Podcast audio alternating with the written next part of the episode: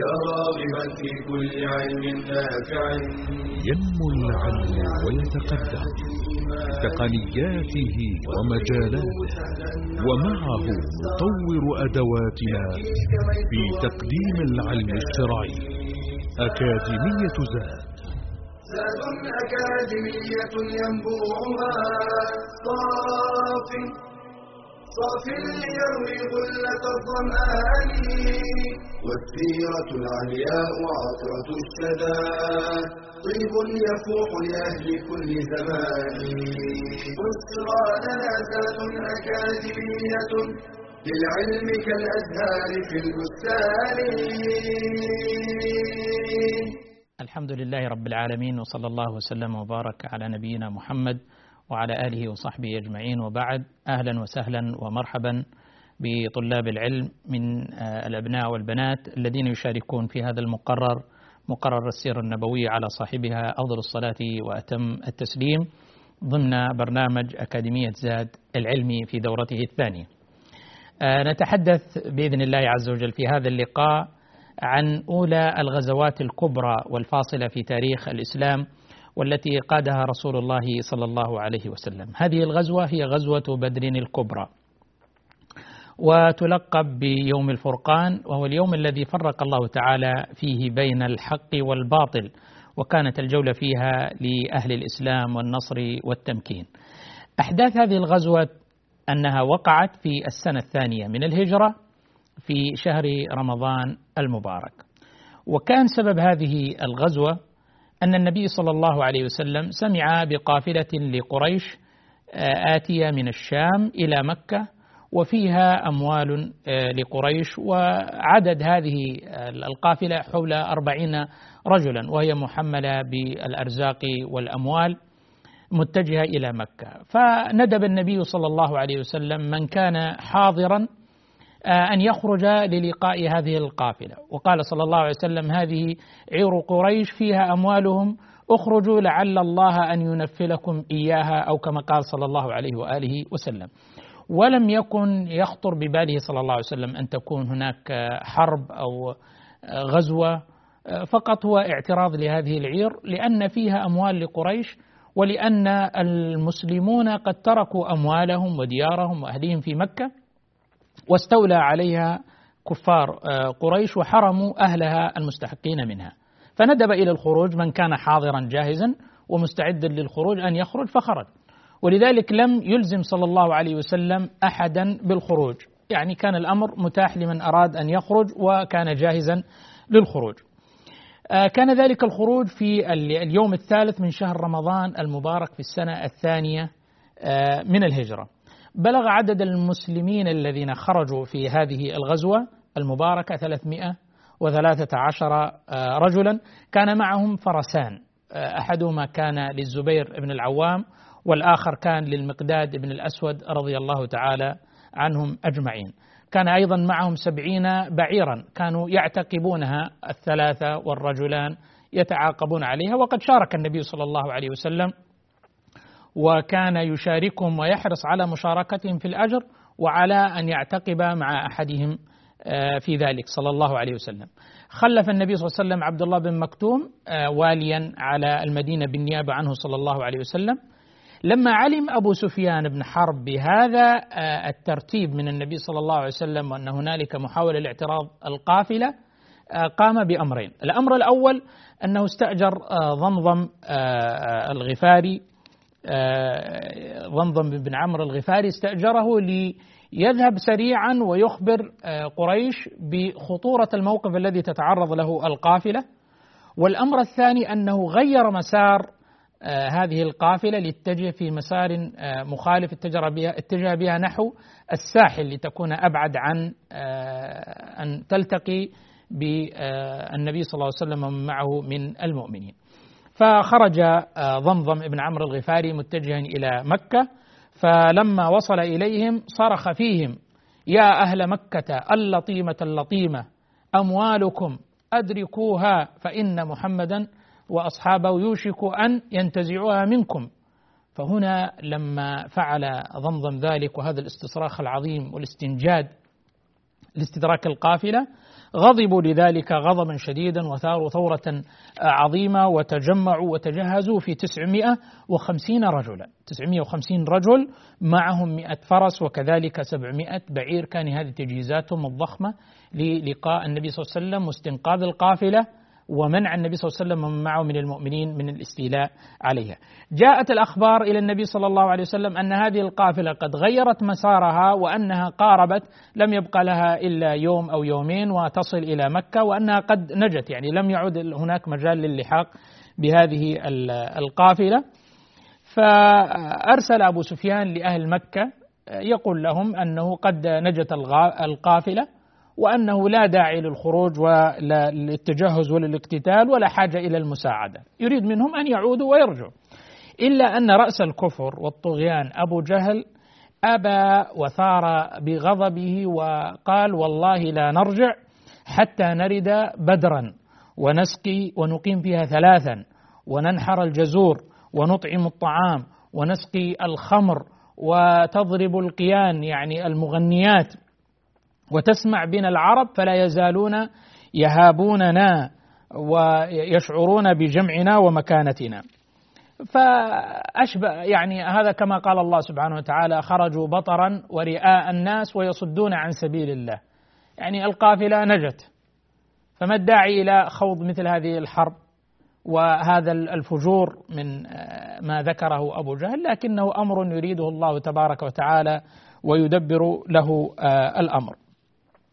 جمع النبي صلى الله عليه وسلم أصحابه وذكر لهم أن الله سبحانه وتعالى قد أنزل في ذلك قرآنا وإذ يعدكم الله إحدى الطائفتين أنها تكون لكم وتودون أن غير ذات الشوكة تكون إما القافلة وإما النصر على هؤلاء الأعداء. ولكن الله كما قال ذات الشوكة وهي لقاء العدو يريد الله سبحانه وتعالى ليحق الحق بكلماته ويقطع دابر الكافرين. فلما رأوا أن هنالك آه، قتال وأنهم لم يكونوا مستعدون لذلك قال النبي صلى الله عليه وسلم أشيروا علي أيها الناس. يطلب مشورتهم في الأمر. وهذا كان ديدنه صلى الله عليه وسلم. كان كثير الاستشارة آه، لأصحابه. فقال أشيروا علي أيها القوم. فقام أبو بكر رضي الله تعالى عنه وقال قولا عظيما محفزا ومشجعا للإقدام. ثم تكلم عمر رضي الله تعالى عنه وقال كلاما قويا آه، في الثبات والنصرة والقيام مع رسول الله صلى الله عليه وسلم. فقال النبي صلى الله عليه وسلم أشيروا علي أيها الناس. فقام المقداد رضي الله تعالى عنه المقداد بن الأسود وقال يا رسول الله والله لا نقول لك كما قالت بنو إسرائيل لموسى اذهب أنت وربك فقاتلا إنا هنا قاعدون ولكن نقول لك اذهب أنت وربك فقاتلا إنا معكم مقاتلون. والله يا رسول الله لو خضت بنا إلى برك الغماد لخضناه معك ما تخلف منا رجل واحد. فسر النبي صلى الله عليه وسلم بهذا الكلام وبهذه الحماسة وبهذه القوة وبهذه الشجاعة وهذا الإقدام. إلا أنه ما زال يريد أن يسمع من الأنصار رضي الله تعالى عنهم لأنه لم يكن بينه وبينهم صلى الله عليه وسلم يعني مثل هذا الأمر داخل في الاتفاقية السابقة من الإيواء والنصرة. فقال أشيروا علي أيها الناس. وهنا يقوم سعد بن معاذ رضي الله تعالى عنه وأرضاه وقال يا رسول الله لكأنك تعنينا يا رسول الله. والله إنا لأهل الحلقة وأهل القتال ولعل الله سبحانه وتعالى أن يريك منا ما تقر به عينك. إنا لأهل الحلقة وإنا لصدق في اللقاء وصبر في الحرب ولعل الله أن يريك منا ما تقر به عينك. والله يا رسول الله لو خضت بنا هذا البحر لخضناه وراءك ما تخلف منا رجل واحد. فسر على بركة الله يا رسول الله. فتهلل وجه النبي صلى الله عليه وسلم حتى كأنه فلقة قمر وهكذا كان شأنه صلى الله عليه وسلم. فسر بهذا الكلام واستعد لهذا القتال وبشر أصحابه بالنصر المبين من الله تبارك وتعالى. فكان النصر كما أيد الله بذلك المؤمنين وبنزول الملائكة. للعلم كالأزهار في البستان.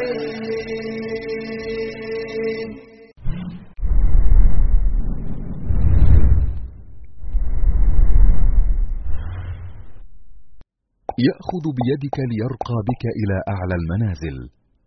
يقف معك وينافح عنك. وقت الضيق والكرب.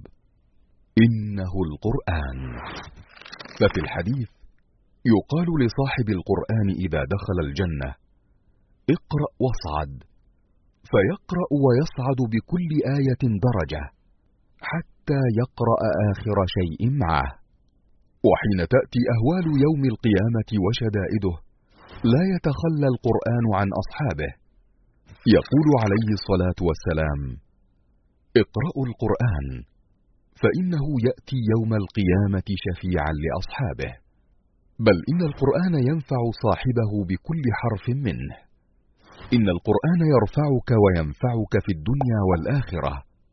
وفي الحديث من قرأ حرفا من كتاب الله فله به حسنة والحسنة بعشر أمثالها.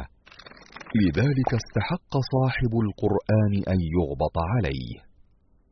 قال النبي صلى الله عليه وسلم لا حسد إلا في اثنتين رجل آتاه الله القرآن فهو يقوم به آناء الليل وآناء النهار ورجل آتاه الله مالا فهو ينفقه آناء الليل وآناء النهار.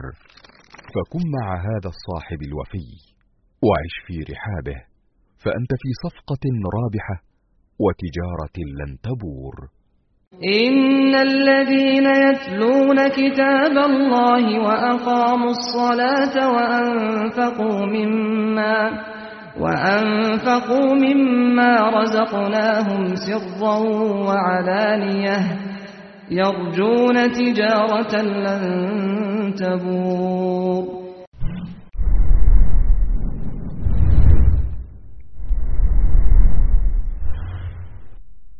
بشرى لنا أكاديمية للعلم كالأزهار في البستان.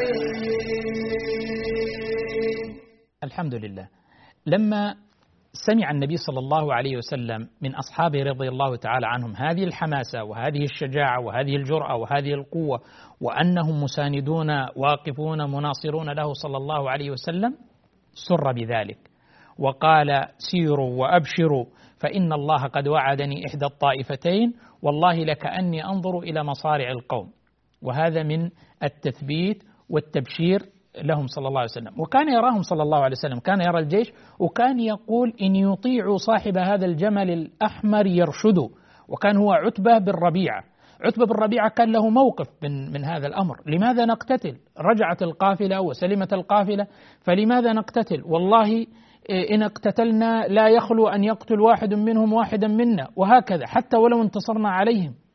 سيكون هناك قتلى وسيكون هناك لا لا يترك بيت إلا وفيه جريح أو قتيل. فلماذا نقاتل وقد سلمت القافلة؟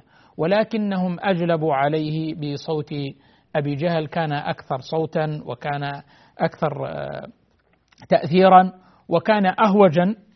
فكان الأمر الذي قدره الله سبحانه وتعالى. نزل الجيش عشاء أدنى ماء من بدر أقرب ماء من منطقة من مياه بدر وبنوا للنبي صلى الله عليه وسلم عريشا. وكان الذي اقترح هذا الاقتراح هو سعد بن معاذ رضي الله تعالى عنه. اقترح أن يبنى للنبي صلى الله عليه وسلم عريشا يكون فيه ويكون هناك حراسة ويكون هذا العريش هو مركز القيادة لهذه المعركة. لما نزل الصحابة رضي الله تعالى عنهم برأي النبي صلى الله عليه وسلم في مكان من الأماكن من بدر جاء الحباب ابن المنذر رضي الله تعالى عنه كان له موقف رائع وكان هو موقف الخبير والمشير. فقال يا رسول الله أهذا المنزل الذي نزلته؟ أمنزل أنزلك الله إياه لا نتقدمه ولا نتأخر عنه؟ أم هو الرأي والحرب والمكيدة؟ فقال النبي صلى الله عليه وسلم لا بل هو الرأي والحرب والمكيدة أو كما قال صلى الله عليه وآله وسلم. فقال الحباب يا رسول الله إن هذا ليس لنا بمنزل إنما المنزل أن نقترب إلى أدنى بئر ثم نغور بقية الآبار فنشرب ولا يشربون ويكون هذا الموقع موقع استراتيجي لنا في الحرب. فقام النبي صلى الله عليه وسلم واستحسن هذا الرأي وأخذ برأي الحباب وانتقلوا من ذلك المكان إلى المكان الذي أشار به الحباب ابن المنذر. وهنا وقفة مهمة جدا تتعلق بموقف المسلم من من قضية العقل في مقابل إعمال هذا العقل في النافع وفي مقابل النص الشرعي. يعني الحباب رضي الله تعالى عنه كان واضح تماما. يا رسول الله هذا الموطن الذي نزلته أهو منزل أنزلك الله إياه. لا نتقدم عنه ولا نتأخر عنه بمعنى أن هذا أمر إلهي من الله أو نص نبوي فيه إرشاد فإذا كان هذا فما هو إلا التسليم لله ولرسوله أبدا. لا نتقدم ولا نتأخر وهذا شأن المؤمن. أما إذا كان قضية التدبير والرأي فهنا يعني يعني يتدخل قضية الرأي والتفكير والخبرة والمشاركة وتقديم المشورة المثلى للنجاح في الشؤون الدنيوية الحياتية. وهذا موقف المسلم. إذا جاء أمر عن الله وعن رسوله صلى الله عليه وسلم توجيها فليس للمسلم إلا أن يقول سمعنا وأطعنا. أما إذا كان هناك مجال للإنسان أن يعمل عقله في حدود عمل هذا العقل في أن يحدث الأفضل والأنفع فلا شك أن الإسلام يدعو إلى ذلك ويدعو إلى إعمال العقل. فكان الانتقال إلى ذلك الموقف. المسلمون باتوا تلك الليلة هانئين. وأنزل الله تعالى في تلك الليلة هتانا ومطرا خفيفا كان على المسلمين يذهب عنهم رجس الشيطان. يربط به القلوب يثبت به الأقدام يثبت به الأرض طمأنينة. وأنزل الله عليهم في تلك الليلة ذلك النوم الهانئ وغشيتهم السكينة. وبات رسول الله صلى الله عليه وآله وسلم مبتهلا إلى الله متضرعا إلى الله يصلي ويبكي ويناشد ربه سبحانه وتعالى النصر والتمكين. وكان يدعو اللهم نصرك الذي وعدتني اللهم نصرك التي وعدتني اللهم نصرك الذي وعدتني. وكان يرفع يديه ويبتهل إلى الله اللهم أنجز لي ما وعدتني اللهم هذه قريش قد خرجت بخيلها وخيالها تكذب الله ورسوله اللهم نصرك الذي وعدتني اللهم أن تهلك هذه العصابة لا تعبد في الأرض. ويبتهل ويبتهل ويرفع يديه عالي حتى سقط رداءه عنه صلى الله عليه وسلم وجاء الصديق رضي الله تعالى عنه إليه وقال يا رسول الله بعض من أشد إن الله منجز لك ما وعدك إن الله منجز لك ويرفع رداءه ويضعه عليه صلى الله عليه وآله وسلم. لما أصبح جعل يمشي النبي صلى الله عليه وسلم في ميدان المعركة ويبشر أصحابه ويقول هنا مصرع فلان وهنا مصرع فلان هنا مصرع أبو جهل بن هشام وهنا مصرع عتبة وشيبة والوليد وفلان وفلان يحدد أسماء القوم ويحدد مصارعهم بوحي من الله سبحانه وتعالى تثبيتا للمؤمنين وتشجيعا لهم ورفعا لمعنوياتهم وأن الله ناصرهم ومؤيدهم. بدأت هذه المعركة بالمبارزة التي كانت بين الصناديد يخرج الشجعان والأبطال. خرج عتبة بن ربيعة وأخوه شيبة بن ربيعة وخرج الوليد بن عتبة أبطال فرسان مشهود لهم بالفروسية والشجاعة والقوة والبسالة خرجوا ويطلبون من يبارز. فخرج ثلاثة من فتية الأنصار إلا أن هؤلاء الكبار الصناديد من قريش قالوا لا, لا نريد يا محمد أخرج لنا نظراءنا من بني عمنا. نريد نظراءنا وأمثالنا من بني عمنا. فقال النبي صلى الله عليه وسلم اخرج يا حمزة حمزة بن عبد المطلب وعبيد بن الحارث وعلي بن أبي طالب رضي الله تعالى عنهم فرسان الإسلام وشجعان وأبطال الإسلام وليوث الإسلام. فأما حمزة رضي الله تعالى عنه فقد قتل شيبه شيبة مباشرة وعلي قتل الوليد. وأما عبيد بن الحارث وعتبة فاختلفا ضربتين كل منهما ضرب صاحبه ثم أثخن فيه فقام حمزة وعلي ومباشرة وقتلوا عتبة. في أول صدمة في هذا اللقاء يقتل ثلاثة من أقوى الأبطال والشجعان. كان هذا تدعيما للمسلمين وتقوية لشوكتهم ومزيدا من التبشير بنصرهم بإذن الله سبحانه وتعالى. وكان ذلك فتا في أعضاد المشركين. ثلاثة يفقدون من فلذات أكبادهم وفرسانهم وشجعانهم عتبة وشيبة والوليد. فكان ذلك فاتحة خير على الإسلام والمسلمين. اشتد رحى الحرب وحمي الوطيس والنبي صلى الله عليه وسلم في العريش مبتهلا وداعيا لله سبحانه وتعالى أن ينصر دينه وأن ينصر المسلمين وأن ينصر أولياءه الصالحين ويبتهل إلى الله سبحانه وتعالى. فإن الإنسان في معترك الشدائد ليس له إلا الله. هو الذي يدبر الأمور. من جهة العدد المسلمون أقل ومن جهة العدة المسلمون أقل ومن جهة الجاهزية المسلمون أقل. لكن القضية في الصراع بين الحق والباطل لا تدخلها قضية الحسابات الرياضية وإنما الذي يدخلها حينما يكون على الإيمان والصبر والصدق والنصرة لله عز وجل فإن الله يمدهم بالمدد من عنده عز وجل. وأنزل الله ملائكته يجاهدون ويقاتلون مع أهل الإسلام يوم الفرقان يوم التقى الجمعان حتى أن المسلم كان يرى رأس الكافر يطير أمامه ولا يدري من ضربه. وذلك كانت الملائكة تنزل وتقاتل مع المؤمنين كما أخبر الله سبحانه وتعالى. إني لما قال للملائكة إني معكم فثبتوا الذين آمنوا سألقي في قلوب الذين كفروا الرعب. فشاركت الملائكة وشد المسلمون على آه، عدوهم والنبي صلى الله عليه وسلم محفزا ومشجعا لأصحابه ويقول لهم والذي نفسي بيده لا يقاتلهم مسلم لا يقاتلهم رجل مسلم فيقتل صابرا محتسبا مقبلا غير مدبر إلا أدخله الله الجنة. وكان يقول لهم صلى الله عليه وسلم قوموا إلى جنة عرضها السماوات والأرض محفزا ومشجعا صلى الله عليه وسلم لأصحابه. كان يدعو ويحفز ويشجع ويشارك صلى الله عليه وسلم ويوجه في إدارة دفة المعركة ويقودها صلى الله عليه وسلم بنفسه صلى الله عليه وسلم.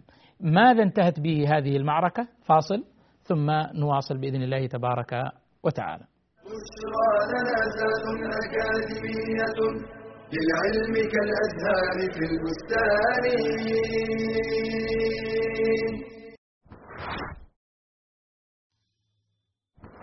هل أنت حريص على تصحيح عباداتك؟ هل ترجو أن يتقبلها الله؟ اطلب العلم إذ لا تصح العبادة إلا به قال تعالى فاعلم أنه لا إله إلا الله واستغفر لذنبك وللمؤمنين والمؤمنات وشرط قبول طلب العلم الإخلاص فيه بألا تريد به إلا وجه الله قال تعالى قل إني أمرت أن أعبد الله مخلصا له الدين.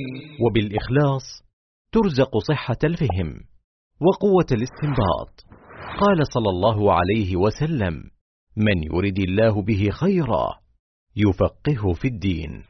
وبالإخلاص يذعن المتعلم للحق ويقبل النقد. قال الذهبي علامة المخلص أنه إذا عوتب لا يبرئ نفسه بل يعترف ويقول رحم الله من أهدى إلي عيوبي. ويجب أن يتوفر الإخلاص في التعلم والتعليم والتأليف.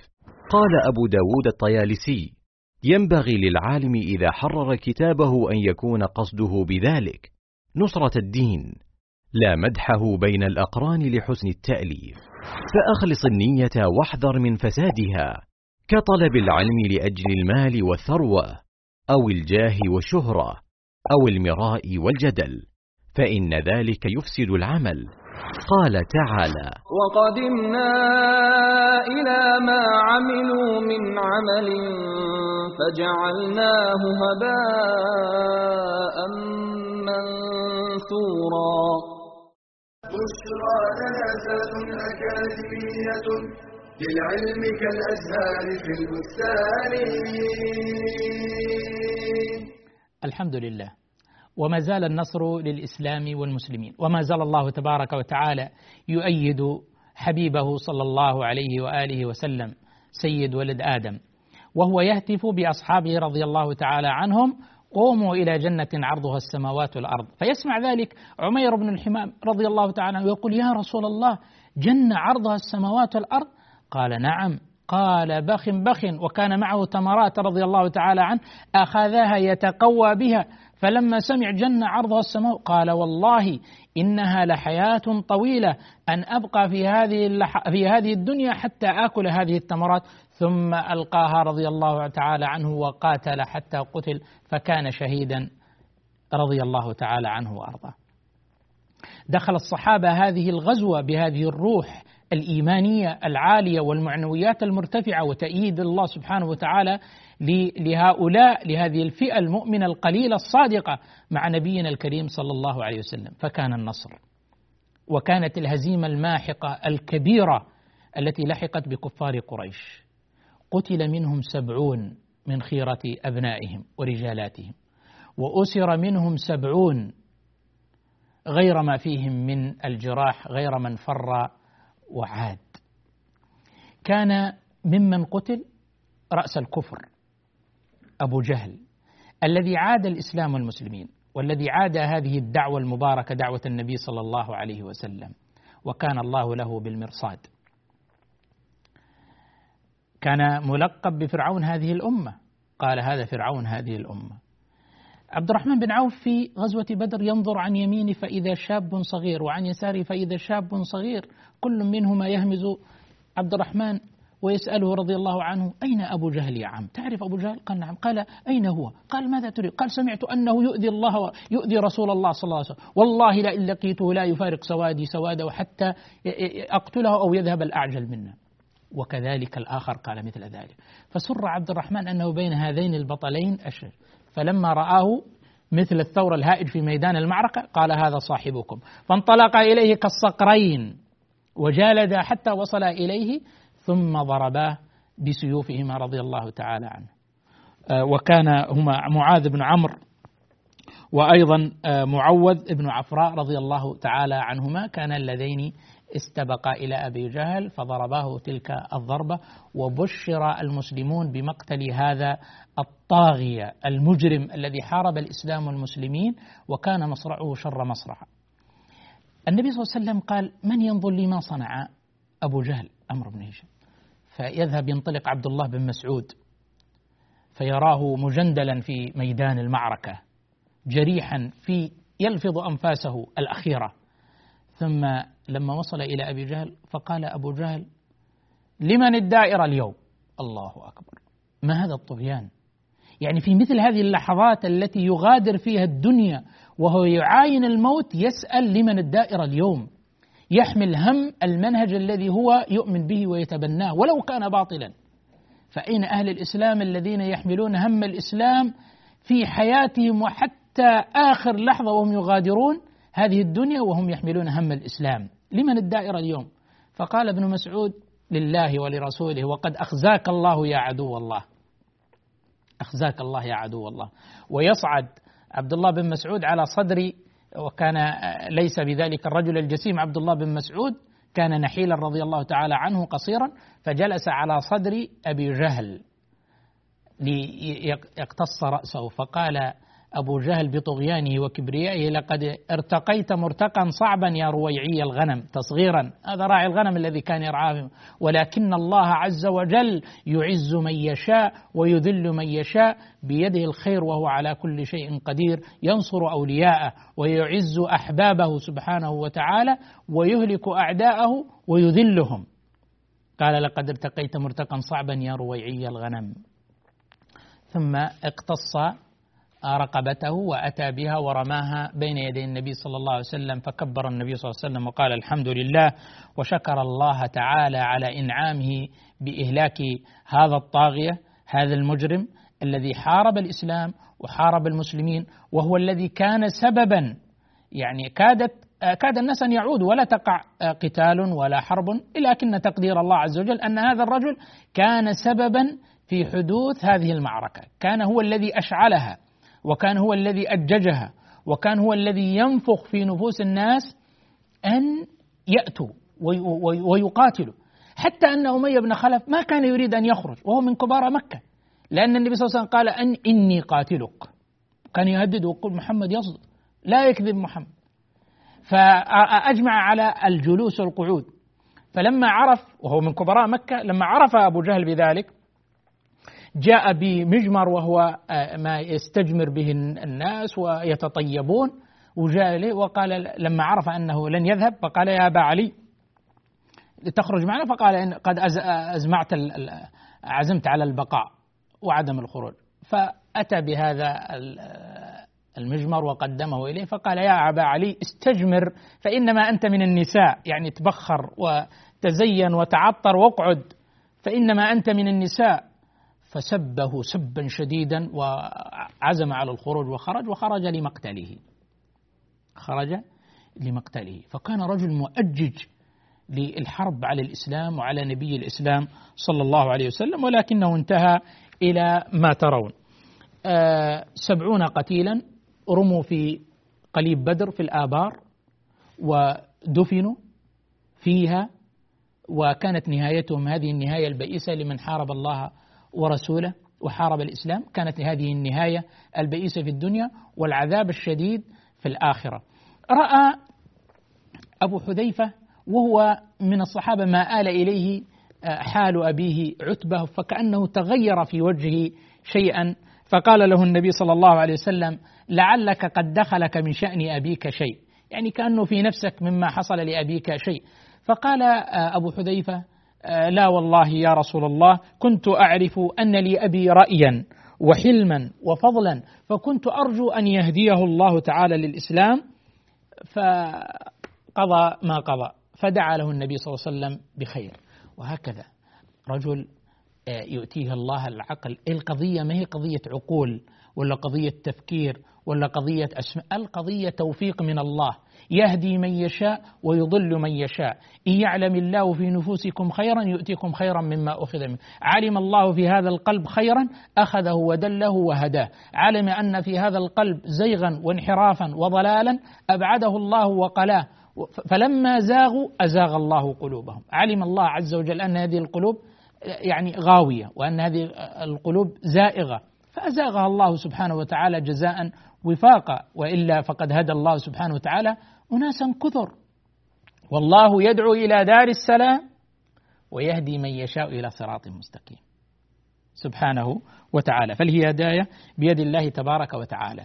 آه الأسرى تعامل معهم النبي صلى الله عليه وسلم الفداء وقد نزل في ذلك قرآنا وأن القرآن كانت يعني التوجيه القرآني ما كان لنبي أن يكون له أسرى حتى يثخن في الأرض تريدون عرض الدنيا والله يريد الآخرة لولا كتاب من الله سبق لمسكم فيما أخذتم عذاب أليم. أو كما آه فلذلك آه النبي صلى الله عليه وسلم يعني الله سبحانه وتعالى أقرهم على ما يعني شاور أبو بكر وعمر أبا بكر وعمر فمنهم من أشار بالقتل كعمر رضي الله عنه. ويدخن في الكافرين ومنهم من أشار بأخذ الفداء آه، كأبي بكر رضي الله تعالى عنهم فمال النبي صلى الله عليه وسلم لرأي أبي بكر وأخذ آه، الفداء وكان في حدود من ألف إلى أربعة آلاف درهم ومن ليس له شيء فإنه يأخذ عشرة من, المس من غلمان المسلمين ويعلمهم القراءة والكتابة. وهذا واضح أن أن هذا التوجه لهذه الدعوة المباركة بقيادة النبي صلى الله عليه وسلم وبناء هذه الأمة المسلمة أنه يقوم على العلم وأولى أدوات هذا العلم القراءة والكتابة فكان يدفع له عشرة من صبيان المسلمين ليتعلموا القراءة ويعلموها غيرهم. ثم أن النبي صلى الله عليه وسلم قال كلمة آه، كبيرة آه، وهو يغادر ميدان بدر أما والله لو كان المطعم ابن عدي حيا ثم سألني في هؤلاء النتنى لأطلقتهم لأجله أو كما قال صلى الله عليه وسلم. وفاء للمطعم بن عدي الذي كان مشركا ومات مشركا الذي دخل النبي صلى الله عليه وسلم في جواره كما أخذنا في اللقاءات آه، الماضية وهذا من حفظ الود. وقف النبي صلى الله عليه وسلم على تلك ذلك القليب وقال يا أبا جهل بن هشام يا عتبة بن ربيعة يا شيبة بن ربيعة يا وليد بن عتبة هل وجدتم ما وعد ربكم حقا؟ إني قد وجدت ما وعد ربي حقا صلى الله عليه وآله وسلم. قال رسول الله كيف تكلم أمواتا نتنا؟ قال والله ما أنتم بأسمع منهم. إنهم يسمعون ويعيشون حالة من الندامة على هذه الحرب ضد الإسلام والمسلمين وعلى رسول الإسلام وأنهم لم يهتدوا. وذهبت البشارة إلى المدينة النبوية تبشر بذلك النصر العظيم فكانت فرحة أهل الإسلام بهذا النصر العظيم وهذا النصر الكبير الأول لدولة الإسلام ولنبي الإسلام ولصحابة النبي صلى الله عليه وسلم.